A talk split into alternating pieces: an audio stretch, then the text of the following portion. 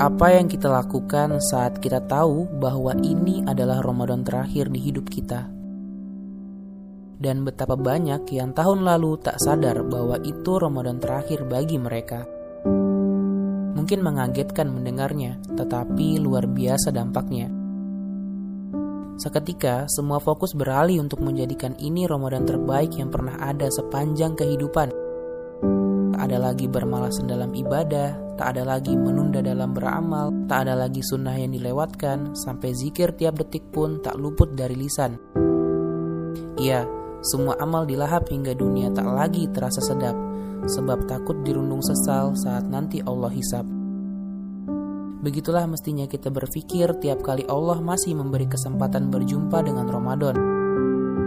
Sehingga semua amal mampu kita kerjakan dengan maksimal. Supaya tidak tergolong sebagai orang-orang celaka yang pulang tanpa membawa bekal.